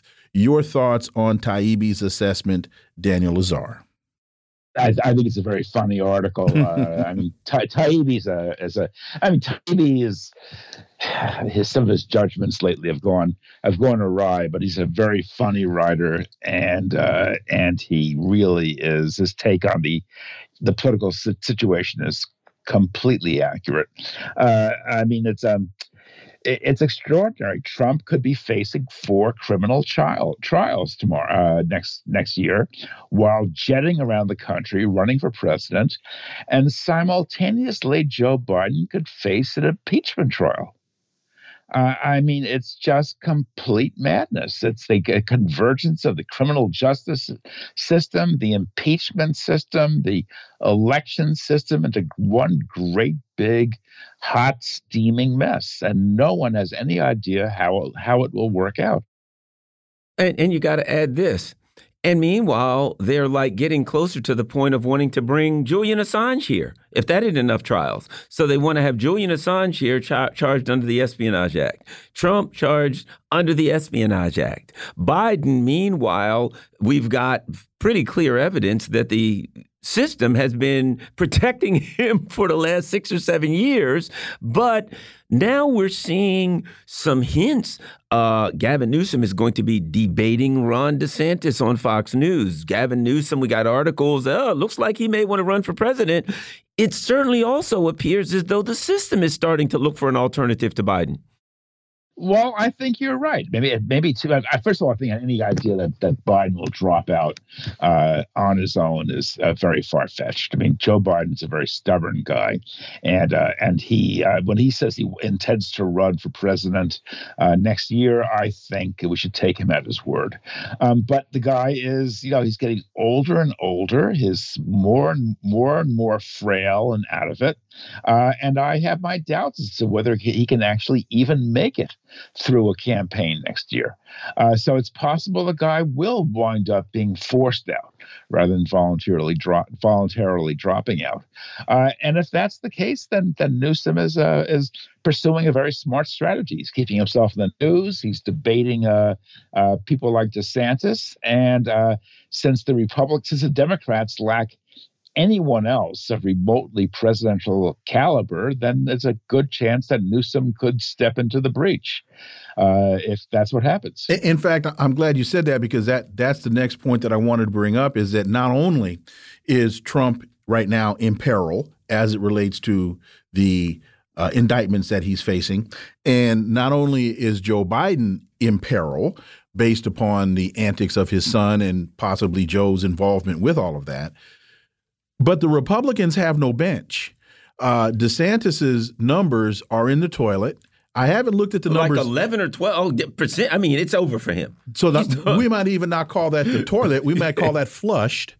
And when you look at Nikki Haley, and when you look at all those other, you know, clowns in the clown car, they're all below DeSantis last time I checked.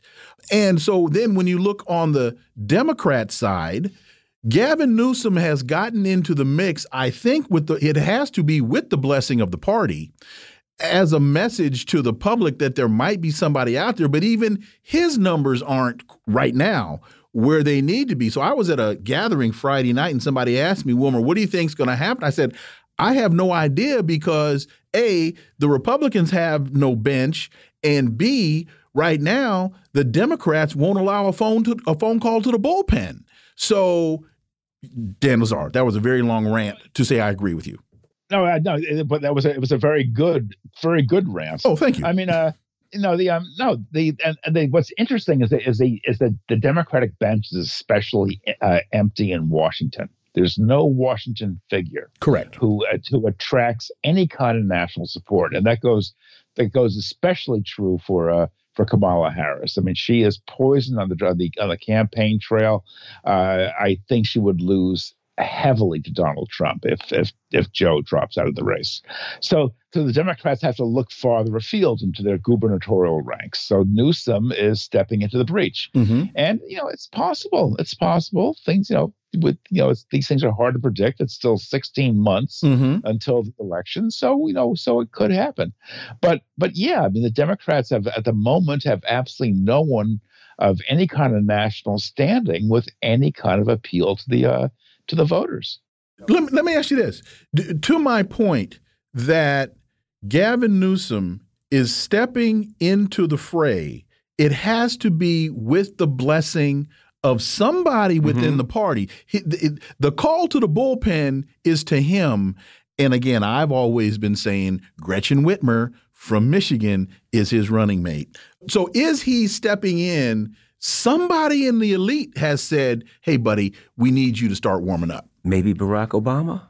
Yeah, maybe absolutely. Obama's making yeah, some yeah. calls. Absolutely, absolutely. That's it's happened before. uh, it, could, it could very well happen again. And of course, Gretchen Whitmer could uh, could could be the, the presidential candidate with Newsom uh, as the VP. I, I I've said that it, that's either a, way. That's the ticket, and I have said it can go either way. So you know, so the, so the question is whether Barack Obama is you know working the phones, calling up Gretchen, calling up Gavin, and maybe calling up Kamala too, and saying, "Look, Kamala, you know we got to face facts here. You know, mm-hmm. uh, you it have you. no chance in the campaign trail. You've got to step aside. Uh, you can't put up a fight. You've got to make a smooth transition to one of these two candidates.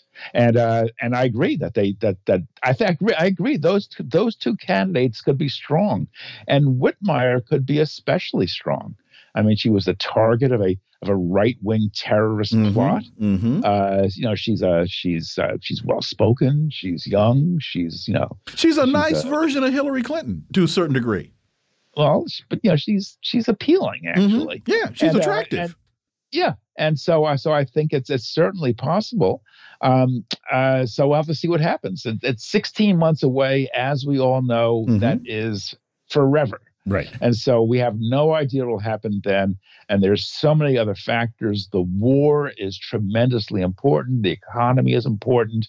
And I think the Hunter, the Hunter mm-hmm. scandals are terribly important. I think that I think Democrats who want to write this off as a, a minor nuisance are crazy because I think that this is really really causing real damage to Joe Biden's standing. I'll, I'll use two analogies. One, they're whistling past the graveyard, and they're smoking at the gas station. Yeah, uh, that's the other part of it that you're getting into, and that is they're the people, right? Okay, who are you going to put out there? But they're going to have a pile of ash, and hopefully not literally a pile of ash, but hopefully metaphorically a pile of ash when they come in with this disaster. The economy is teetering around, and a lot of people feel like well, valid economists are saying, hey, you know, we're likely to be in full recession by then. See, you don't understand Bidenomics, Garland. Uh, that's your problem. You don't understand Bidenomics. And, and let me add this. And Biden's sending troops to Iran. He's sending subs to Korea. He's uh, wants a war. And I mean, and as bad as things are in Ukraine, these lunatics in the State Department are just putting their foot on the gas. Dan. Well, I, I certainly agree, but you know, the public doesn't doesn't care where Biden sent troops. He only cared. They only care if he if if those troops go into action. And so Biden so far is able to hold off. But I, I think the war in the Ukraine is a disaster. Uh, I think the uh, we could we could we could definitely see uh, a collapse of the Kiev government, just as we almost saw a collapse of the uh, of the Moscow government. So uh, so things could could turn really hairy for uh for Biden there. And who knows? Maybe Nord Stream could blow up as well. Maybe the Danish or the Swedish uh, intelligence agencies, which are taking a long, long time into investigating this blast, maybe they will finally get a dose of courage and say what everybody knows, which is that Uncle Sam did it. And if that happens, then the the the, the political consequences will be extraordinary. So, so the next 16 months are, are to be explosive. They're packed with, with surprises. We really have no idea how to how it will work out, but we do know that from for now it looks to be insane. Do you think, and this is, I'm, I'm just honestly asking your opinion here. Do you think that the Nord Stream investigation, the results of the Nord Stream investigation being carried out by uh, Denmark and Norway, could that the release of that information could be a political strategy similar to the release of the hostages, the Iranian hostages during the Carter Reagan uh, campaign? You mean if someone wants, wants to make a deal with Trump? That someone, well, someone, I, someone has an October surprise, an, Octo an October surprise, and I, I'm not even picking a side. I'm just saying an October surprise. Uh, it, it's possible, but I just think that the Danes and the Swedes are like everyone in Europe are just terrified of a of a Trump victory.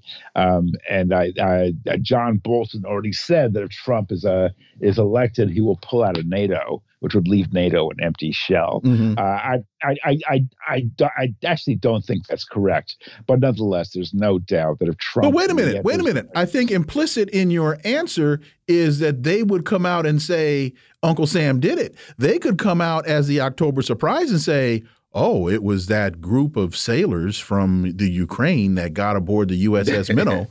it's la it's laughable. Right. But that doesn't mean they won't say it. laughable. Well, they, they, could say it. They, and they actually have issued certain statements indicating that's what they're looking at, but but it'd be farcical. It just wouldn't it wouldn't hold up. Okay. Uh, you know, I mean, how do you how do you load you know uh, uh fifty you know two tons of explosives or a ton of explosives onto a fifty foot sailing yacht? I See, mean, you don't understand Bidenomics. That's your problem. yeah.